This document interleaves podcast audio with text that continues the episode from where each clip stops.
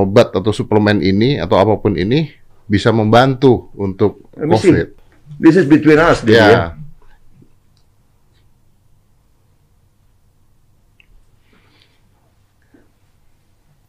Ini obat bagus gitu aja. Five, four, three, two, one, and close the door. Dokter Henry Suhendra, ini dokter yang paling dicari saat ini di Indonesia, di dunia. Gara-gara kata-katanya yang, gara-gara kata-katanya, kata-kata gue juga sih sebenarnya. Iya. Vitamin D. Wah, saya kan posting tuh, vitamin D, high dose. Iya. Wah, Bener tidak nih vitamin D ini menghindari COVID, dok? Nah, literatur yang saya pegang adalah eh, salah satunya adalah Dr. Michael Holick dari Boston University.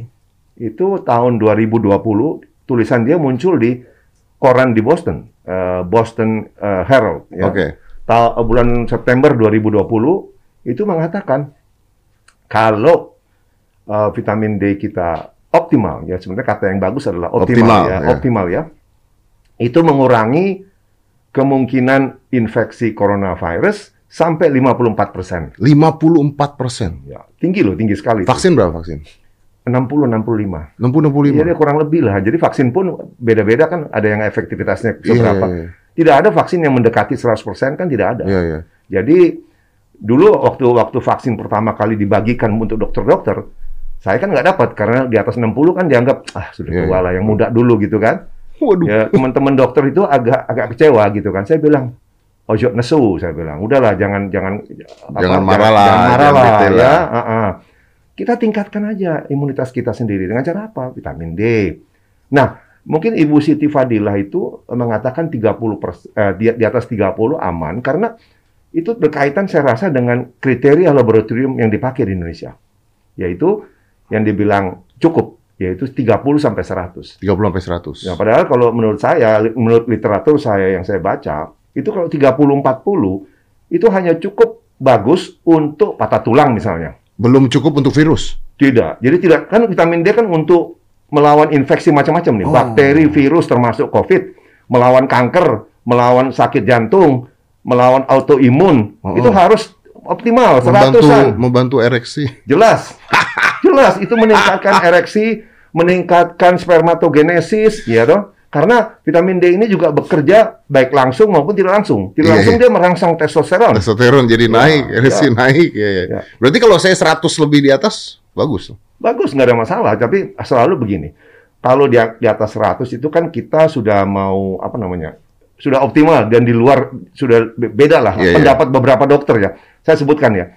Dr. Judson Somerville. Jadi ini ada ada referensinya, bukan asal mangap nih kita. Judson Somerville dari Texas itu ada bukunya Optimal Dose ya.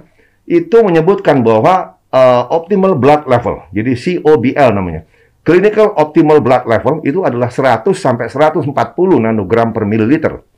Kemudian ada lagi uh, Profesor Cicero Coimbra itu dia uh, ahli autoimun di di Sao Paulo, Brasil. Dia bilang juga untuk autoimun harus di atas 100 nanogram per mililiter. Harus di atas 100. Ya, harus di atas 100. Cuma pesan saya, kadang-kadang kita kan nggak tahu nih, saya 110 misalnya, atau 120, 130, kan dibilang sampai 150. Ya, ya. Setiap orang beda. Jadi bagaimana kita tahu ini kita sudah, eh, level kita sudah sudah sudah puncak nih. Ah, Itu harus dikontrol yang lain. Jadi kita kontrol kalsium dalam darah, kita kontrol eh, kalsium di urina, hmm. kita kontrol eh, kadar eh, parat hormon, eh, hormon yang dikeluarkan oleh paratiroid, itu kelihatan di situ bahwa kita sudah mendekati, mendekati puncak. Jadi misalnya orang tanya lagi kembali ke arah dosis kan, selalu kan tanya Eh dosis. dosisnya berapa sih? Dosisnya Ah, berapa sih? itu selalu kan, Nah, dosa. Saya kan tulis di Instagram saya high dose, Ah, orang- vitamin D high dose saya bilang gitu. Jadi kalau saya mengutip juga eh, Profesor eh, Manuel Pinto Coelho dari dari Lisboa eh, Portugal ya, dia mengatakan most of the drugs taken today try to imitate uh, what high dose vitamin D3 can do. Jadi itu sebenarnya obat-obatan, obat kanker, obat apa, obat tensi, obat kolesterol itu sebenarnya dia sedang imitasi, men- meniru fungsi dari vitamin D3 dosis tinggi, high dose vitamin D. Jadi itu yang ngomong bukan saya, itu profesor dari Por- Portugal, ya. Karena sudah banyak dibuktikan dengan dosis yang op- bagus, kemudian darahnya menjadi optimal. Nah itu dosis itu sebenarnya Nah, tidak, oke, dosisnya dulu berapa dok? Ah, dosis yang itu berapa tidak bisa dijawab karena begini. Yang mesti tahu hasil akhirnya, end resultnya yang bicara. Jadi, jadi misalnya kita pakai 10 ribu lah atau 20 ribu, kan ini tergantung banyak hal. Berapa jadinya darahmu?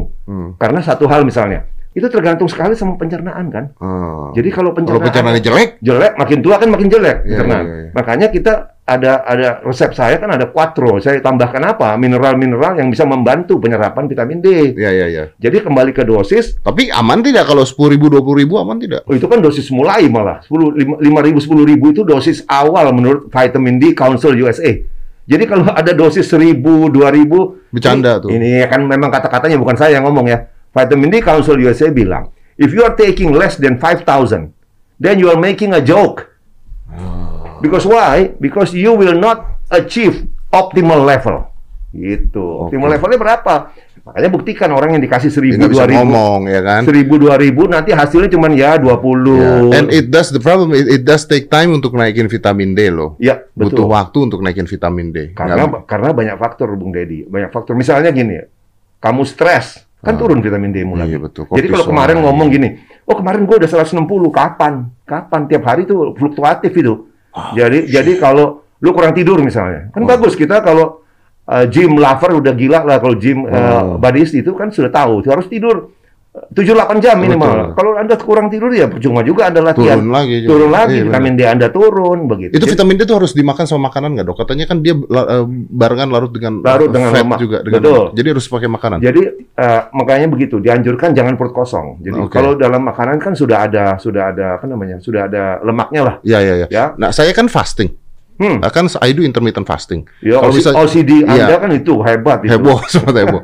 Nah kalau saya makan vitamin D pada saat fasting, tapi saya campur dengan MCT oil, is that okay? Ya, Oke, what I'm I'm doing right now itu saya kasih dengan omega 3 aja. Ah iya bener pakai omega Selesai. 3 aja Itu- itu beres. lemak, Ya, itu ya, lemaknya, udah Kak. lemaknya. Ya, beres Ya, sudah. ya, ya. Itu selesai, solve the problem. Oh, berarti artinya hal ini bisa menghindari COVID dong. Obat eh, vitamin ini bisa menghindari COVID dong. Nah, dalam hal kata itu bisa menghindari COVID pasti bisa. Kenapa?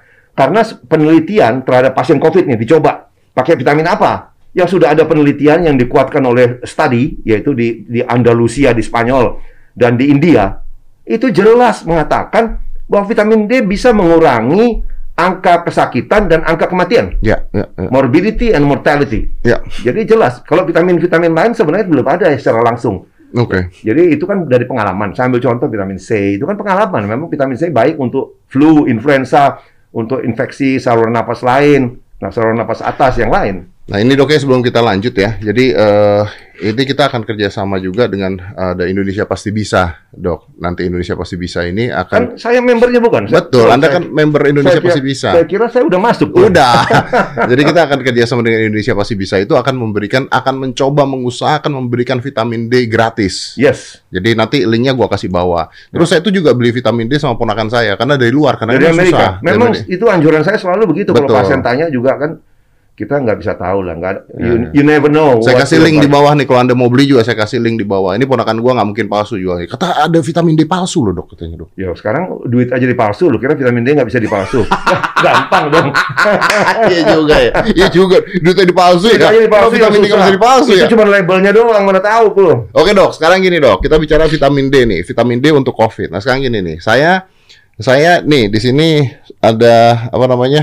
Eh, oh, ini apa ini kok nggak jalan nih? Purifier atau apa? Ini buka, ini ini hand sanitizer. Oh, hand Oke. sanitizer. Ya. Ini udah saya steril. Ya. Di sini saya udah pakai sharp nih. Hmm. Ini pertama katanya pertama di dunia melumpuhkan virus COVID di udara dalam 30 detik. 30 detik. Ah, dia udah siap punya nih yang paling baru nih. Oke. Jadi sebenarnya kita udah melakukan ini semua. Eh, ada hand sanitizer, udah kita clean, ada siap plasma cluster. Ya, ya. Nah, tapi kemarin saya kan ngobrol sama dokter Tirta tuh. Ah, Kan saya bilang kan, Hmm. eh, dia bilang, lu janjian udah kena lu. Gitu kan. Iya. Gue bilang, enggak, gue nggak pernah kena. Gue bilang, enggak, lu OTG lu. Saya cek, ternyata saya belum pernah kena dok. Memang. Memang. Karena Kan, kan nah, selain prokes apa nih dok yang bisa melindungi saya? Kok saya nggak kena COVID gitu? jadi saya menyambung menyambung eh, pernyataan yang saya nonton juga nih salam buat eh, Tirta. Tirta nih. Ah. Tirta kan bilang, tapi gue akuin loh, ini kata-kata dia kan. Gua akuin lo, Dad, eh, imunitas lu baik loh. Karena mungkin teman-teman lu, lingkungan lu yang kena. Kena. Terus lu kok nggak kena, lu itu hebat lu, lu punya imunitas. Saya teruskan. Karena, Yang buat saya nggak kena nih apa? iya, COVID? kita vitamin D udah minum, orang lain juga minum. Ah. Ada faktor lain yang dilupakan. Ini sebenarnya faktor yang bisa bisa sangat kita tingkatkan. Yaitu apa? Jadi selama ini yang sering kita dengar kan cytokine, cytokine storm. Jadi kalau banyak jadi cytokine storm kayak badai, badai cytokine. Cytokine itu adalah yang dikeluarkan oleh sel imun kita pada saat ada peradangan ya. Aha. Kalau terlalu banyak itu yang menyebabkan kematian dan sebagainya. Ah. Tetapi lu- lupa atau belum belum terlalu banyak dieksplor itu adalah myokine. Myokine. Jadi gini, cytokine itu kan dikeluarkan oleh sel-sel imun kita. Oke. Untuk menyerang. Makanya untuk menyerang musuh dan sebagainya Iya, ya. iya. Dan begini, makanya dari katanya kita mesti tahu. Cytokinos. Cyto itu sel, Hmm. kinos itu movement. Hmm. Jadi begitu dia terbentuk, dia lawan itu datang virus, ah, dia keluar semua tuh ya. Nah, sebenarnya ada lagi myokinos. Myo itu ah, otot, otot, Otot. sel otot. Kinos itu pergerakan. Jadi myokines ini sifatnya berbeda dengan cytokine. Cytokine itu lebih pro-inflammatory. Jadi dia merangsang terjadinya reaksi radang. Hmm. Kalau myokines itu adalah anti-inflammatory. Jadi myokines ini yang dikeluarkan pada saat otot kontraksi, ya, itu melindungi tubuh kita. Makanya saya juga mau mau eh, kasih kudos ke ke eh, Bung Aderai sebagai awam dia juga menyebut myokines hebat jadi gitu ya. Ya. Karena myokines ini yang dibentuk pada saat kontraksi otot itu eh, melindungi kita terhadap eh, reaksi inflamasi pada Hmm. umumnya. Jadi Ya- in- intinya ke mana, ke mana nih dok? Jadi- saya bingung nih. Jadi dia itu kita bisa diperkuat terhadap infeksi bakteri dan infeksi eh, virus. Karena saya punya otot. Punya otot. Jadi punya otot itu bukan buat gagah-gagahan aja. Itu kan efek samping yang kita senang. Iya betul. Tapi itu melindungi, bukan hanya itu. Melindungi dari virus. Melindungi dari virus. Melindungi dari virus kan teorinya ada, bukan dokter Henry yang ngomong. Myokines itu nanti kalau bisa di- Bisa, dikeluarkan, bisa, dikeluarkan gambarnya. Bisa. Keluarkan gambarnya. Gambar saya lagi selfie. Bukan. Supaya bisa bisa kita jelaskan barangkali di sana kan. Jadi otot itu melindungi tubuh dari virus. itu terhadap virus, bukan hanya itu, tapi dia kita dilindungi terhadap metabolic syndrome, Metabolic syndrome. Oke. hipertensi, hiperkolesterolemia, Oke. eh, diabetes, insulin resistance, obesitas, sama sampai osteoporosis. Sampai osteoporosis. Yes. Makanya saya punya komunitas kan kilo, saya mau menggiatkan itu. Itu untuk melawan osteosarkopenia. This is the doctor who walk the talk. Oh, jelas. Karena dia sampai detik ini masih push up tiap hari, masih latihan tiap hari. Umur berapa, Dok? 60, mau mau 67 segera. Mau 67, segera. Kok segera? Lamaan dikit lah. Oh, udah dekat nih tinggal berapa bulan maksudnya. Mau 67, gua ngeliatin dia masih push up, masih ini. Dan dokter ini ahli tulang ya berarti, Dok ya? ortopedik, ortopedik Yuk, surgeon. dok, here's the funny thing, dok. Nanti kita keluarin gambarnya, eh, nih, Tia, keluarin gambarnya, Tia. Ini yang yang lucu, dok. Ini coba, ini eh, keluar dari COVID dulu sedikit. Saya kan ada HNP, dok. Ya, Ada HNP. Terus Ya. saya kemarin ke RSPAD. ya, Eh, ketemu dokter-dokter luar biasa lah di sana, Ya. jenderal-jenderal luar biasa itu. ya. Terus saya dicek, karena sudah lama kena HNP, terus dia cek. Dia bilang, ini sebenarnya dari, eh, dulu kena L5S1. Oke, itu Terus- yang paling sering kan di sana memang. Betul, sampai nggak bisa jalan, sampai jatuh dok. Ya. Terus dia bilang, ini sebenarnya udah rusak nih yang lain nih, Ya. rusak. Ya. Ini udah parah dia bilang. Ya. Terus saya bilang, saya harus operasi nggak dok gitu kan? Terus dokter sana bilang, udah nggak usah dulu, Oke. biarin aja dulu katanya. Ya. Nanti, Tapi, nanti, first of all, mestinya gini, mungkin eh, ini sebagai koreksi saja. Kalau bicara HNP, itu harusnya yang bicara orthopedic surgeon tapi konsultan spine. Jadi Oh, saya oke. rasa di di, di di RSPAD tentu sudah konsultan spine. Iya, kan? iya, iya. Kan di sana ada bagian. ada bagian-bagian. Sedangkan di, di tempat saya aja kita cuma berempat ada konsultan Nah, spine. nanti saya akan tanya dengan anda kalau gitu. Iya. Tapi yang menarik ket- ketika di RSPAD, Pak Jenderal itu mengatakan begini. Saya nanya sama beliau gitu, Hah. Pak, berarti saya kok masih bisa jalan? Kok saya masih bisa gini? Terus beliau mengatakan, karena otot di belakang anda kuat untuk nyangga itu katanya. Betul, ada betulnya. Berarti ada fungsinya otot itu, Pak. ada fungsinya ada itu. Ya. Dan bahkan sekarang saya baru tahu dengar bahwa bisa melawan virus. bisa melawan virus karena apa juga dia ini saling dia saling timbal balik begini ya dengan vitamin D kita tinggi Dengan vitamin D kita tinggi, itu uh, sangat baik untuk metabolisme otot tiap kali anda latihan itu terjadi kerusakan otot kan betul. itu untuk repair dan metabolisme Really? Itu perlu vitamin D lah. Who else? Jadi nggak cukup protein doang tuh ya? Nggak cukup. Harus vitamin D tetap. Oh iya, itu boost your testosterone juga. Ya, makanya, udahlah. makanya dibilang, makanya dibilang begini, dibilang begini, Udahlah. Dedi. Udahlah, dibilang gini. Makanya orang tanya, ini kayak banyak banget fungsinya dok. Berarti kan vitamin dewa ini. Oh jelas. Tapi kalau dia bilang, "Duh, vitamin dewa kan berarti kita berhala nih, gitu kan? Masa Ah. dewa-dewa? Saya bilang, enggak lah. Cuman kalau mau yang terlalu lebih religius, kita bilang vitamin deus, vitamin deu. Ah. Tuhan, ini kan Tuhan yang kasih. Kalau orang bilang, loh kok Tuhan yang kasih? Ini kan sumber pertamanya, sumber awalnya itu matahari. Matahari. Iya, Cuman karena gedung-gedung semakin Gedung, tinggi, Anda nggak pernah jemur. AC di Nah, mana-mana, pernah keluar, habis Ah, Anda, gitu habis loh. Anda. Makanya kita ganti dengan suplemen. Betul. Dan gitu. yang salah nih, kita orang Indonesia kulitnya sawo matang, agak hitam. Itu dia. Orang yang agak hitam kulitnya susah menyerap sinar matahari. Betul, itu ada Fitzpatrick skin type. Ada 6. 1, 2, 3, 4, 5, 6. Kalau 6 tuh Papua lah teman-teman kita di Papua. Kalau Ah. kita nih uh, Southeast Asian itu rata-rata 4 sama 5. Ah, Itu biar rata-rata kalau jemur itu perlu 4 kali, 3 4 kali daripada orang bule yang tipe 1 ya, ya. untuk ya. mendapat uh, apa vitamin D yang sama. Ya, ya, ya. Jadi susah, banyak faktor makanya itu sebabnya kekurangan itu kita tambah dari suplemen. Yeah, and you know this God give you the sun to protect you basically, right? Ya, betul. Betul. Ya. betul. Tapi kan ada ada batasan makanya kayak kita bilang di Timur Tengah pun, di Middle East pun itu eh, pandemi vitamin D. Kenapa? Karena pakaian kan tertutup. Ah. Kalau mau jemur kan harus 85% buka.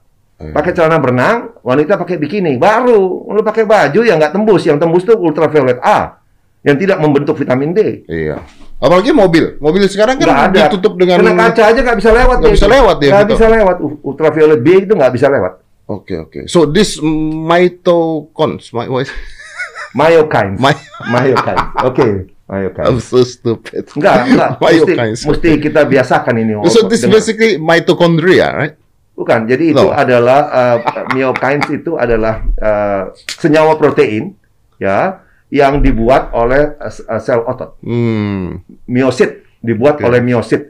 Memang sel-sel ini punya punya karakter masing-masing. Oh iya, iya. Kalau ad, uh, apa adiposit sel lemak itu membuat adipokine. Ada juga dia punya kinos juga adipokine. Nah, adipokine itu justru pro-inflammatory.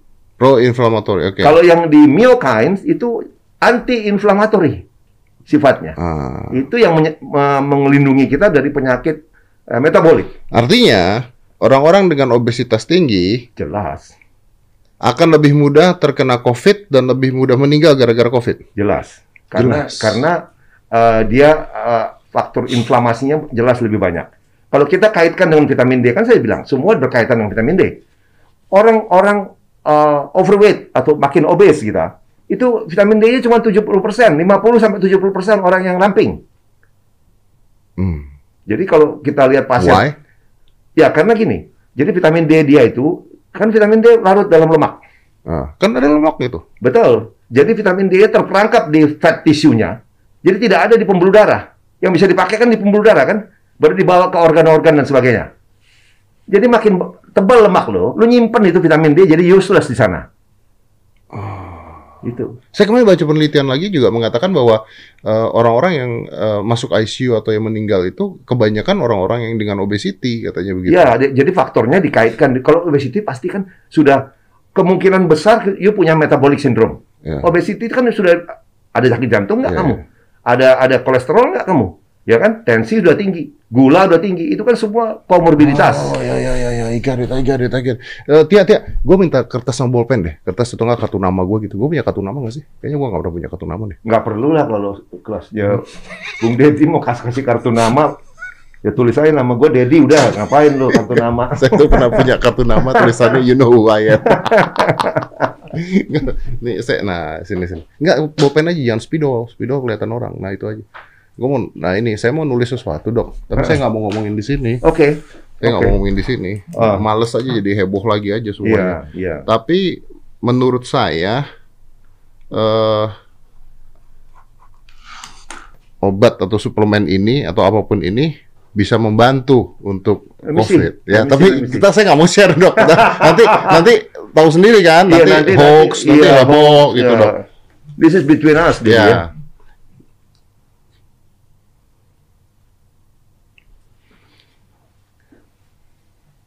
Ini obat bagus gitu aja jawab. Ya udah. Ya kan obat Ya bagus. udah, ya udah, ya udah. Karena even I'm using it. Iya. Don't worry, don't This, worry. this is like very good. tapi Very good. gua simpan. Good, kalau ada ada yang mau bikin lagi kita bikin nanti. Iya, ya. Oke. No, no. Artinya kalau misalnya ini kan sekarang virus eh, udah varian bertambah lagi, varian bertambah lagi. Ah, Nah, artinya kan tidak akan pernah berhenti. itu dia. Apakah this vitamin D eh, efficiency Ya, gitu ya, ya. will help dengan semua varian-varian yang bertambah? Good question. Begini. Makanya kita ingin begini ya. Saya tahu ada orang yang tidak divaksin. Ah, Saya tahu lah. Tapi kan itu hak seseorang sementara ini. ya, Walaupun pemerintah menganjurkan vaksin. ya. Tapi vaksin membantu artinya. Membantu kan dibilang. Kan dia bisa meningkatkan kemungkinan apa me- melindungi kita sampai 60 persenan lah. 60 katakan. persenan ya. Lumayan kan 60 persenan. Nah, terus kemudian muncul antibody kan, antibody. Ini pertanyaannya antibody mau tahan berapa lama? Kan antibody dengan dengan sendirinya akan turun. Ya, artinya vaksin akan ada lagi, ada lagi, tidak Iya, akan kan berhenti. apakah bisa apakah bisa diberikan semua? Sekarang ke rakyat kita aja kan belum dapat semua. Eh, Nanti kalau yang sudah dapat terus antibodinya udah habis mau dikasih vaksin lagi, gimana? Kan kapan? Itu sebabnya kita harus tingkatkan vitamin D kita karena itulah itulah pelindung kita kan. Jadi dari dalam dan kita mesti ingat bahwa ini jadi tidak menen- tidak spesifik sifatnya. Karena gini, jadi uh, vitamin D itu bekerja di tiga sektor. Ini ada pertanyaan waktu saya di, dengan ID Jawa Timur, dia bertanya, ada dokter yang bertanya, apakah ini bekerjanya lewat mana nih dok vitamin D? Nah vitamin D itu me- meningkatkan imunitas kita dal- dalam tiga hal. Dia meningkatkan local barriers. Local barriers itu apa? Jadi kulit kita intak, mukosa kita itu junctionnya itu diperketat. Jadi nggak ada celah tempat virus masuk. Hmm, Ya, itu namanya lokal. Jadi eh, barrier lokal. ya. barrier lokal. Oke.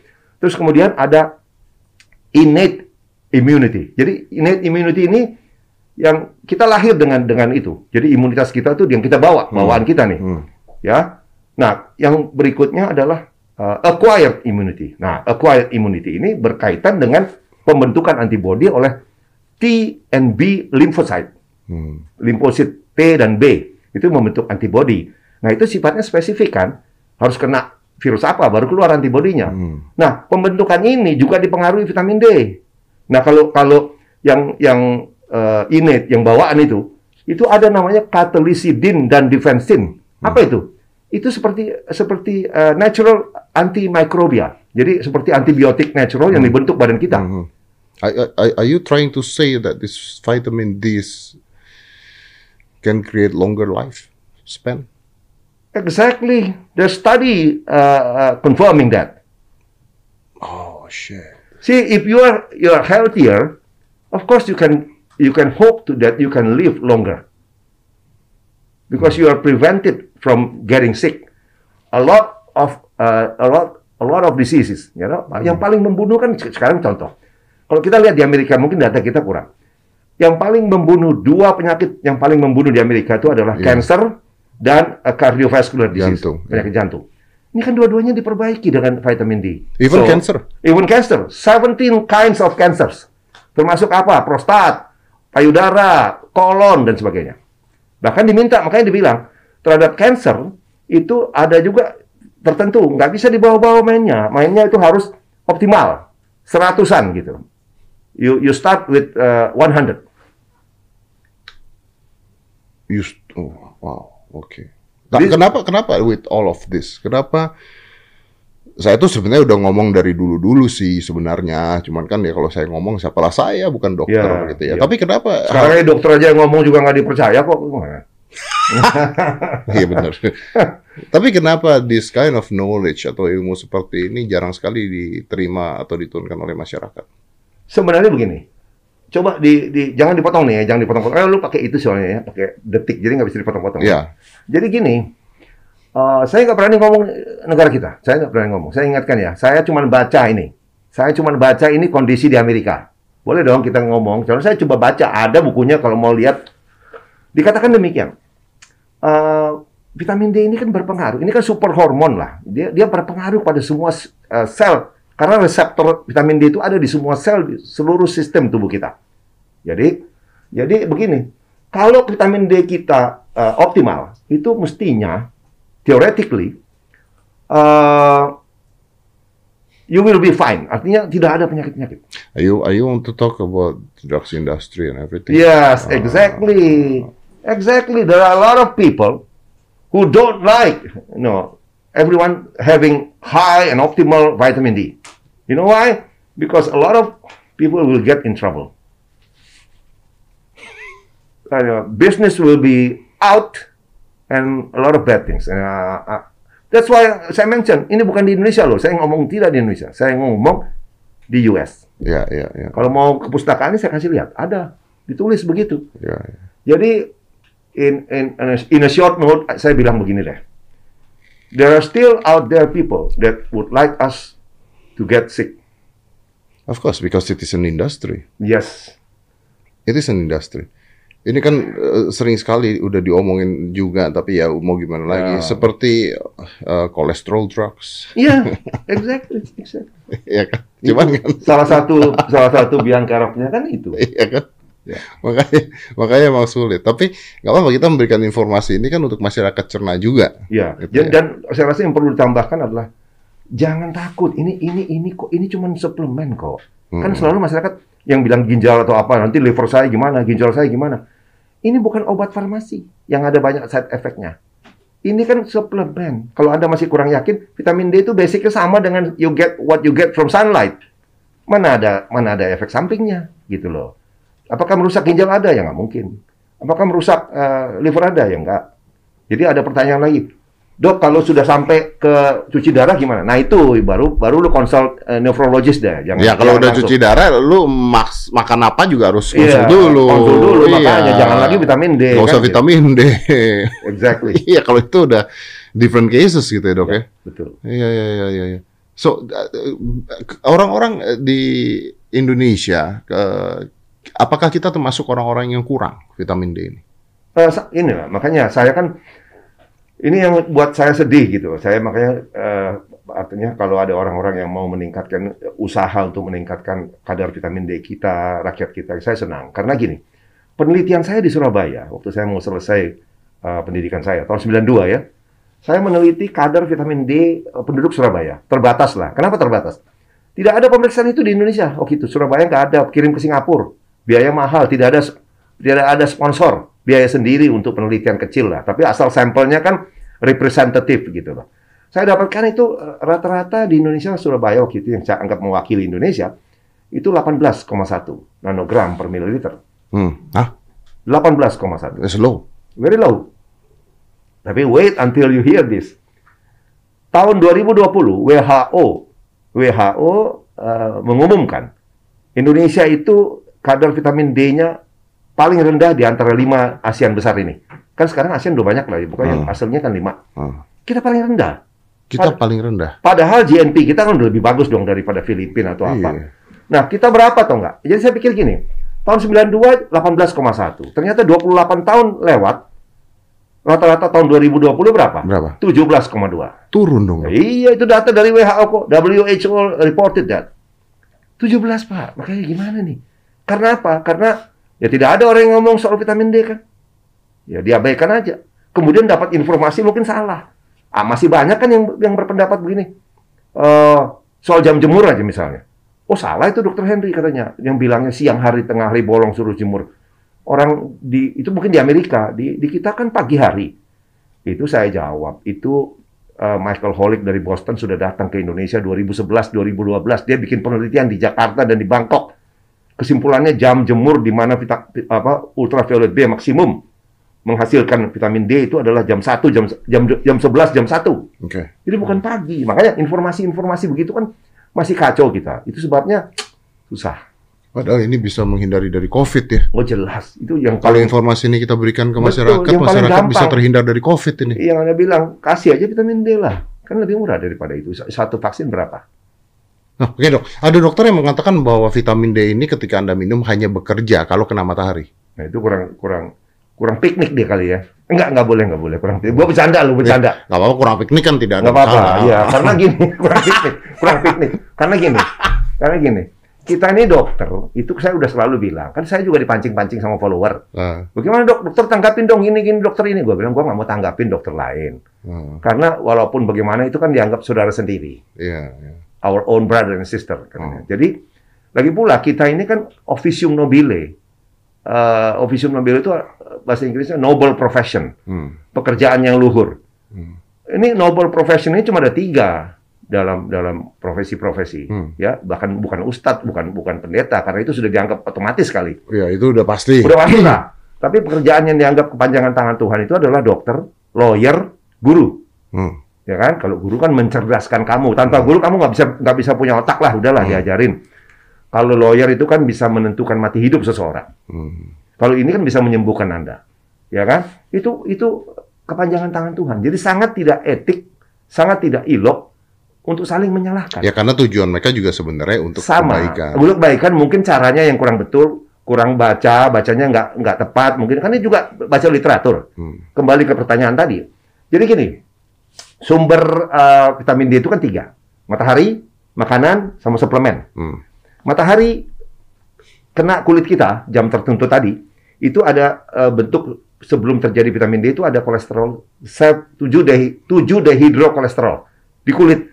Itu yang dirubah oleh sinar matahari menjadi eh, pro, pro hormon vitamin D. Hmm. Jadi pro vitamin D. Oke. Kemudian jadi pre vitamin D dibawa ke pembuluh darah, hmm, dari pembuluh darah masuk ke liver. Hmm. Di liver itu diaktifkan dari D- D3 menjadi 25 hidroksi D3. Jadi ditambah gugus hidroksi OH gitu kan. Nah, terus dari dari liver itu dibawa lagi ke, ke ginjal ditambahkan lagi satu hidroksi. Jadi 125 eh, dihidroksi vitamin D. Jadi eh, 125 dihydroxy vitamin D. hmm. Nah, jalur itu dari kulit. Kalau jalur yang kita telan itu masuk lewat lambung, dari lambung diserap masuk ke liver juga. Jadi Oke. sama di liver itu sama. Nah, gampang-gampangan aja begini. Aktivasi itu di liver dan di ginjal kan dua kali dia diaktifkan. Nah, itu tidak dipengaruhi vitamin eh, sinar matahari lagi. Kalau kita gampang-gampangan bilang begini dah. Emangnya liver kita kejemur?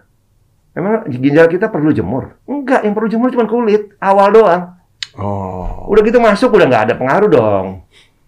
Kan begitu. Oke, kalau makanan dok, dari mana dok? Nah, makanan itu eh, saya nggak begitu banyak apa eh, perhatian ke sana karena gini. I'm not wasting my time on you know small stuff, you know, like karena sudah ada penelitian kalau makanan itu bolehlah tambah-tambah, ya tambah-tambah karena tidak akan cukup. Makanan itu kalau kita bergantung dari makanan. Nah ini ini mesti disebut juga. Kalau bergantung dari makanan itu hanya memenuhi 15 sampai 20 persen kebutuhan vitamin D kita. My God. Oke, satu. Dan saya kembali sedikit. Matahari, ada kan yang uh, sun worshipper. Jadi Iya. bilang, gua nggak mau minum obat, Oh, nggak mau. gonna be I'm just sunbathing every day. the Oke, time. oke. Itu ada penelitiannya udah. How much? The most you can get to itu adalah 40-an.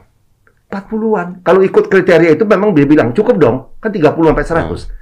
Kalau mau ikut kriteria yang lama itu jangan 30 sampai jangan 30-an dong. 100 dong dekat-dekat puncaknya. Ah. Karena apa? Kalau 40-an kan ya jangan ngikutin angka yang paling bawah dong gitu. Karena maksud 40 Anda, kan nggak nggak bisa lawan COVID. Kan saya bilang kayak kayak mantu saya kan 70 aja masih kena COVID kok. Ya, sampai anak perempuan saya yang 117 nggak kena gitu. Padahal tidur sama-sama kan gimana? Jadi kalau bilang 40 udah gua eh, jemur aja deh dapat 40. Nggak cukup kan? Karena kita mau seratusan. Kita mau lawan COVID sekarang. Mana cukup kalau nggak optimal. Ya, I think a big sigh of relief itu perlu. Kalau saya saya kan ngomong juga dengan pendeta apa tuh barusan. Dia ngomongnya begini. Oh, oh, oh, bapak pendeta pasti dengar lah sekarang. Oh, itu oh, oh itu karena dia baru tahu juga gitu loh. Oh, begitu ya. Oh, begitu ya gitu. But it come a second question ya. Hmm. Tiba pertanyaan kedua ya, apakah stok vitamin D kita cukup? Itu, itu dia, itu dia. Karena sekarang gini, Karena Kalau- ini kan tidak pernah diperhatikan juga. Ya, produksi nasional ada. Sudah dibikin yang 1000, 5000 ada. Tapi kalau tanya saya, you need K2 beside uh, D3. Butuh Jadi, K2 juga. Iya, karena itu dia. We try, we try to prevent the side effect of taking only D3. Gitu. Itu yang mesti ya PR lah buat kita. Gitu. Ya, ya, ya. Tapi nggak apa-apa dong. Maksudnya informasi-informasi seperti ini kan sangat amat dibutuhkan, apalagi di masa pandemi seperti ini. Hmm. Karena sekarang ya Indonesia nggak tahu nih nomor dua apa nomor satu sekarang. Iya, iya nomor dua kalau nggak salah nomor ya. dua ya. Saya karena naik turun naik turun terus. Iya, karena sebelum ada varian-varian baru ini kan udah udah udah rendah, angka Iya. kita udah rendah itu. I also heard that Ke- kemarin saya baca di penelitian. I actually baca di CNBC kemarin. Katanya Hmm. eh, orang yang olahraga Yes. di bawah 10 menit sehari dibandingkan dengan yang 100 menit per minggu, per minggu, per Nah, minggu. nah. Itu mereka yang masuk ke rumah sakit adalah yang ICU sampai rumah sakit adalah yang di bawah 10 menit per minggu katanya. Kebanyakan. Ya, itu ada ada penelitian lah kayak begitu. Tapi kalau saya tanggapi begini. Secara umum, in general, the principle itu adalah begini. Olahraga yang terukur dan teratur, Hmm. Tidak berlebihan ya, Hmm. itu justru meningkatkan vitamin D kita kan? Really? Iya. Justru kalau orang yang gila-gilaan, kalau kita di komunitas sepeda misalnya, Oh. itu kita bukan mendorong mereka untuk olahraga, malah ngerem mereka, ya kan? Oh, karena nggak ada stopnya. Iya kan, kan olahraga itu kan endorfin, jadi kan Hmm. you get addicted, You get you get addicted, ya, terus-terusan. Eh. Kalau berlebihan, vitamin D Anda hancur. Vitamin D Anda hancur. Anda terlalu capek, vitamin D turun. Nah, kalau waktu turun itulah makanya kalau secara umum orang bilang begini. Setelah gua goes Jawa Bali misalnya, badanku pegel semua. Terus gua flu, ya terang daya tahan turun tubuh gua tuh hilang kan karena pada saat vitamin D turun. Makanya American College of Sports Medicine udah ada guideline-nya. Jadi kan kalau ya kita kan ini pada umumnya orang tidak melakukan weight training kan. Hmm. Kalau yang untuk aerobik saja itu eh, kan dianjurkan minimal, kita ambil minimal saja. Seminggu itu 150 menit. Ya itu. Ya, dibagi, dibagi tiga. Oke lah. Tapi kita mesti ingat bahwa vitamin D itu berpengaruh terhadap tipe otot ya. Jadi yang untuk otot-otot aerobik itu itu kan slow twitch eh, slow twitch Ya, fiber. slow twitch. ah. Satu, tipe satu. Hmm. Kemudian eh, ada tipe 2A itu fast eh, fa- Fast twitch. Ya, jadi kalau ini disebut slow oksida, slow oksidatif. Kalau tipe 2A itu uh, fast oksidatif. Jadi tengah-tengah nih dia. Kalau tipe uh, 2B ini baru uh, yang yang betul-betul dipakai untuk uh, strength training. Hmm. Nah, vitamin D berpengaruh pada semua, tapi terutama pada ini. Apa sering tadi? 2B, yes. So for me, 2B justru sangat sangat memerlukan itu saling saling ini, saling dia membutuhkan lebih banyak vitamin D, tapi vitamin D juga membantu otot tumbuh. so is building otot juga. Yes, kan dibilang untuk metabol. Jadi gini, makanya atlet-atlet ini juga untuk atlet. Kapan atlet kita di, di, dicek vitamin D-nya? Mana? Ya kan? Padahal sudah jelas ada bukunya. Bukunya siapa? Dr. John Cannell. John Cannell itu bukunya bilang gini, you get faster, quicker, and stronger with vitamin D. Jadi pengaruhnya, jadi begini pengaruhnya ya. Dia vitamin D itu berpengaruh pada seorang atlet ya. Dia berpengaruh pada balance, berpengaruh pada endurance. Balance. Yes. Kan untuk balance kan pengaruh otot juga kan. Oh, ya, iya. semua pengaruh otot nih. Tapi yang lebih diperinci adalah balance. ya. your balance, Endurance. your endurance, your speed, Speed also. Yeah, speed Because it's also. also muscles ya. ya, speed and strength, and satu lagi uh, timing. Apa itu timing? Reaction time. Jadi kalau olahraga permainan lu basket apa tenis itu kan perlu reaction time. Reaction time lu lambat ya bola lewat dong. Coba coba ditanya mungkin Koni pernah bicara vitamin D nggak? Makanya mungkin salah satu mungkin ya kan ini kan multifaktorial. Mungkin salah satu penyebab prestasi kita kurang itulah. Kapan dicek vitamin D-nya? Katanya gizi- gizinya diberikan bagus mana? Kan dibilang tadi, dari makanan vitamin D hanya bisa 15 sampai 20%. Sebagai contoh, orang masih masih ngotot juga nanya, "Makanan apa sih, Dok?" Ya oke deh, begini aja deh. Kalau kamu mau dapat eh, D3 5000 IU, kamu harus makan eh, salmon 1 kilogram every day. Bisa, Eh, which is quite impossible to to get. Ya, ya, ya.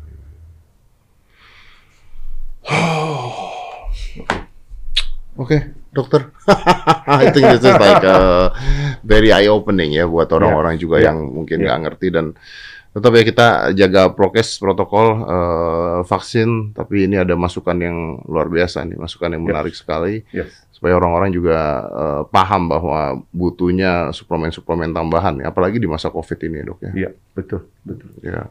Dokter terima kasih loh Dokter Terima Henry. kasih, terima kasih. You're amazing. I mean the way you explain everything. Uh, tapi Anda mengeksplain begini akan banyak ditentang oleh dokter lain tidak? No, I, I'm not afraid because I'm telling you the truth. Ya kan, lagi pula eh, tujuan saya baik, tidak ada tujuan macam-macam kan. Ini kan untuk sebenarnya saya kan saya udah bilang sedih saya melihat bahwa dari tahun 92 ya toh rata-rata 18,1 kok tahun lalu jadi 17,2 gitu. Karena saya tidak dibantu. Berarti ada Makanya- yang salah ya. Ya, itu sebabnya saya membentuk baru dua tahun sebelum COVID saya membentuk sudah Vitamin D Society Indonesia. Kenapa? Karena di Singapura ada, di Malaysia ada, di Amerika pusatnya lah, di UK pusatnya. Tapi Indonesia nggak ada. Itu yang saya saya inisiasi saya untuk mengajak beberapa teman dokter dari dari Surabaya juga. Banyak sih eh, apa antusiasme untuk join. Karena maksud saya ini or- organisasi non profit tetapi mengajak dokter-dokter sebagai key person untuk menyebarkan pengetahuan ini begitu. Ya, ya, ya.